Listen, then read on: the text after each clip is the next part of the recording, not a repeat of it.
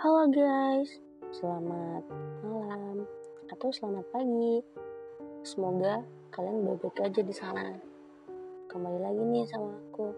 Podcast kali ini aku akan membahas tentang mencintai dalam diam. Selamat menikmati dengan hati dan secangkir kopi. Oke, kita mulai ya. Di sini ada yang sedang mengalami jatuh cinta secara diam-diam kamu hanya bisa mendoakan dia di sepertiga malam dan tak punya keberanian untuk mengungkapkan.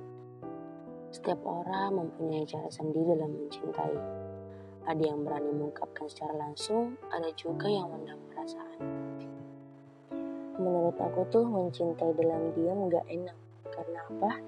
Karena mungkin saja orang yang kita sukai sama-sama memiliki perasaan yang sama dan salah satu dari kalian tidak ada yang berani untuk mengungkapkan dan pada akhirnya dia milih dengan yang lain. Karena dia merasa cintanya bertepuk sebelah tangan, padahal tidak. Dan ketika sudah bersama yang lain, kamu hanya bisa melihat dia bahagia, tentunya tidak denganmu. Setiap malam, kamu hanya merasakan penyesalan yang mungkin akan menjadi penyesalan terbesar di hidupmu. Itu jika dia memilih dengan yang lain. Tapi bagaimana jika kamu mengira dia tidak memiliki perasaan yang sama seperti kamu? Kamu hanya bisa mencintai dia seorang diri. Kamu hanya bisa mencintai dia dalam sepi.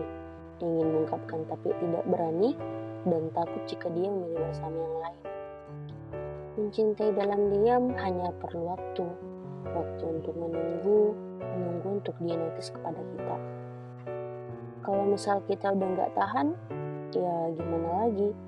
Pilihannya ada dua ungkapin atau lepasin. Tetapi kalian harus yakin gak semua mencintai dalam diam itu sia-sia. Banyak kok di luar sana mereka-mereka yang mencintai diam-diam tiba-tiba menikah tiba-tiba udah pacaran. Dan kalian harus yakin itu bahwa dia yang kalian cintai yang kalian sayangi bisa peka tapi dengan syarat jangan sampai malu-malu diri sendiri buat dia peka. Jangan sampai. Itu bisa buat dia ilfil ke kita. Ya sudah, kalian perbaiki diri untuk menjadi pribadi yang lebih baik dan yakin dia akan menghampiri kita dengan sendirinya. Dan ada juga yang mencintai dalam diam yang mereka sia-sia dengan kalian yang memendam bertahun-tahun tanpa diketahui sedikit pun oleh dia. Ya, dia juga tidak merasa kita cintai, jadi dia tidak ada salahnya dong untuk mencari pasangan baru yang lebih baik. Jadi sama tuh kembali lagi ke diri kita sendiri. Kita memilih ungkapin atau lepasin. Kalau misal kalian pilih ungkapin, oke okay, fine, nggak apa-apa, wajar.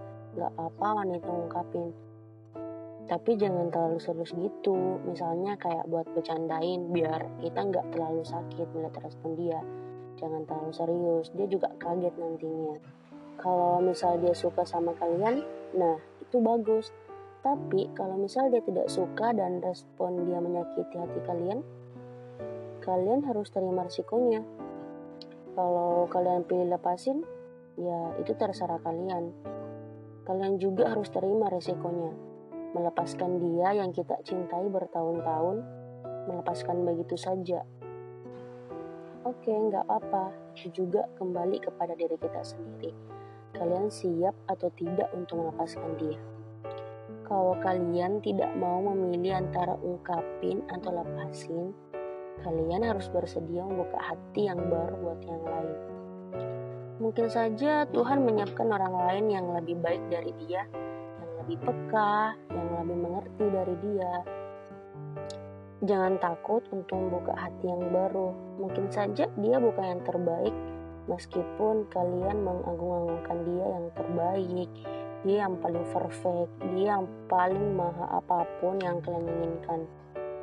Mungkin itu salah, banyak di luar sana yang lebih baik, tapi kalian tidak tahu karena tidak membuka hati untuk yang lain. Hati kalian sudah tertutup oleh dia, dia yang tidak tahu bahwa kalian mencintainya. Bukalah untuk hati yang lain. Di luar sana banyak yang menanti kamu. Jangan anggap dirimu sebagai wanita yang tidak bisa buat apa-apa atau tidak berguna.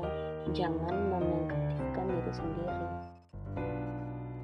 Oke, salam sayang dari aku. Sampai ketemu di episode berikutnya. Dan selalu bahagia ya, set-set di sana, jaga kesehatan, dan tetap baik. Bye-bye.